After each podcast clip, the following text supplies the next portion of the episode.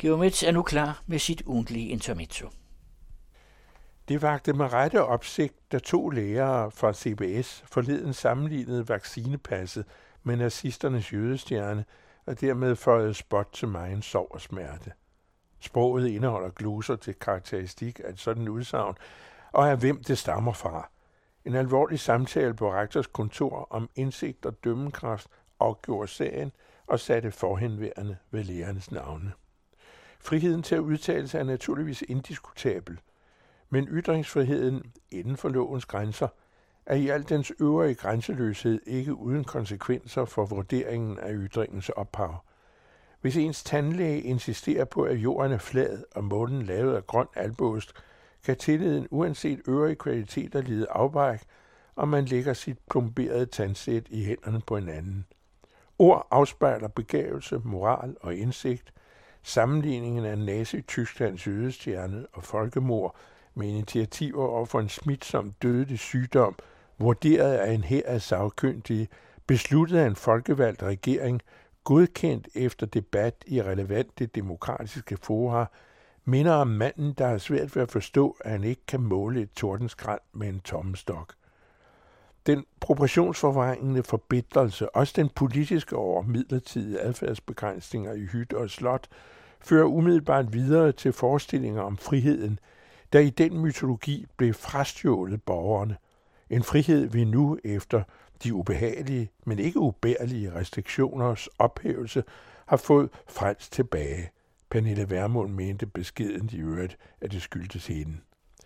Hvem ved i øvrigt, om restriktionsophævelsen kun er midlertidig? Det siger sig selv, at den hæftige betoning af et i denne sammenhæng ikke særlig vedkommende frihedsbegreb over for en fortsat uberegnelig pandemisk virus gør det unødigt vanskeligt næste gang, eventuelt lige så smidigt som før, at etablere bred folkelig opslutning om mundbind, mere vaccine og nyt coronapas.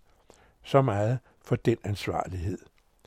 At regeringer for den sags skyld myndighederne altid bør mødes med modspil, kan der ikke herske delte meninger om. Men med større omtanke end lærerne på CBS, samt visse politikere og nidkære kommentatorer, kan man i rigt mål indfri sine oppositionsforpligtelse i sager, der virkelig truer friheden, såsom det betændte efterretningsvæsen, uanstændigheden ved administrativ suspendering af statsborgerskab, en smålig forvaltning af offentlighedsloven, regeringens og flertallets fremmedpolitik, en insisterende senil retspolitik, forsvars- og udenrigspolitikken, der nærmer sig det lavkomiske, og et mere. Her kan ivrige folk med frihedsbegrebet i front få nok at gøre. Hvorfor forvaltningen af coronakrisens rationelle foranstaltninger problematiseres ud i det ekstreme, inklusive fejlene, og rundtossede CBS-læger og en håndfuld debattører nær det hysteriske kalder de indlysende beslutninger for frihedstab uden overdrevne at relatere dem til vilkårene, kan besvares enkelt. Det er nemt. Historiske forudsætninger glemmes som truslen fra den lede virus, der lavt sat har kostet snart 6 millioner livet og 373 millioner syge, hvoraf en ukendt mængde med svære senfølger.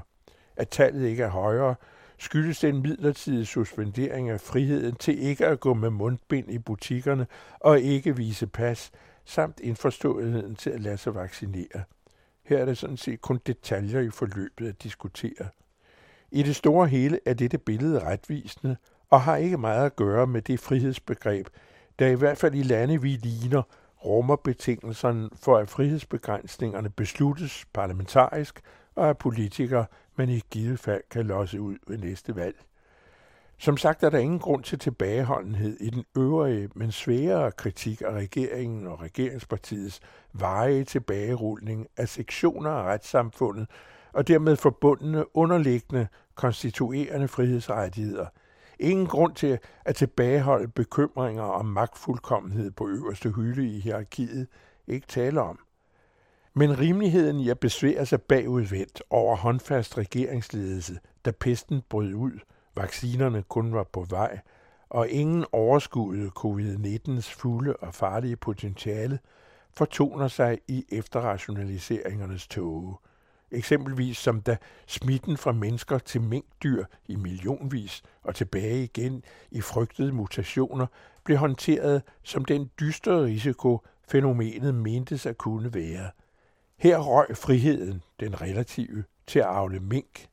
Friheden blev af regeringen i hud og hast efter advarsler om ufattelig farlige konsekvenser taget fra avlerne til fordel for, at uoverskueligt mange andre blev fri for at omkomme, da den så småt udrullede vaccine over for et ubegrænset smittemateriale i mængdene kunne vise sig lige så nyttig som fortyndet saltvand. Kritikløst at anvende frihedsbegrebet uden relation til den nu historiske begrundelse for restriktioner som eneste farbare lange vej tilbage til en slags normalitet, er næsten lige så begavet som at forveksle coronapasset med jødestjernen. Intermezzo kan som altid høres hele ugen her på den anden radio og læses hver fredag i Information.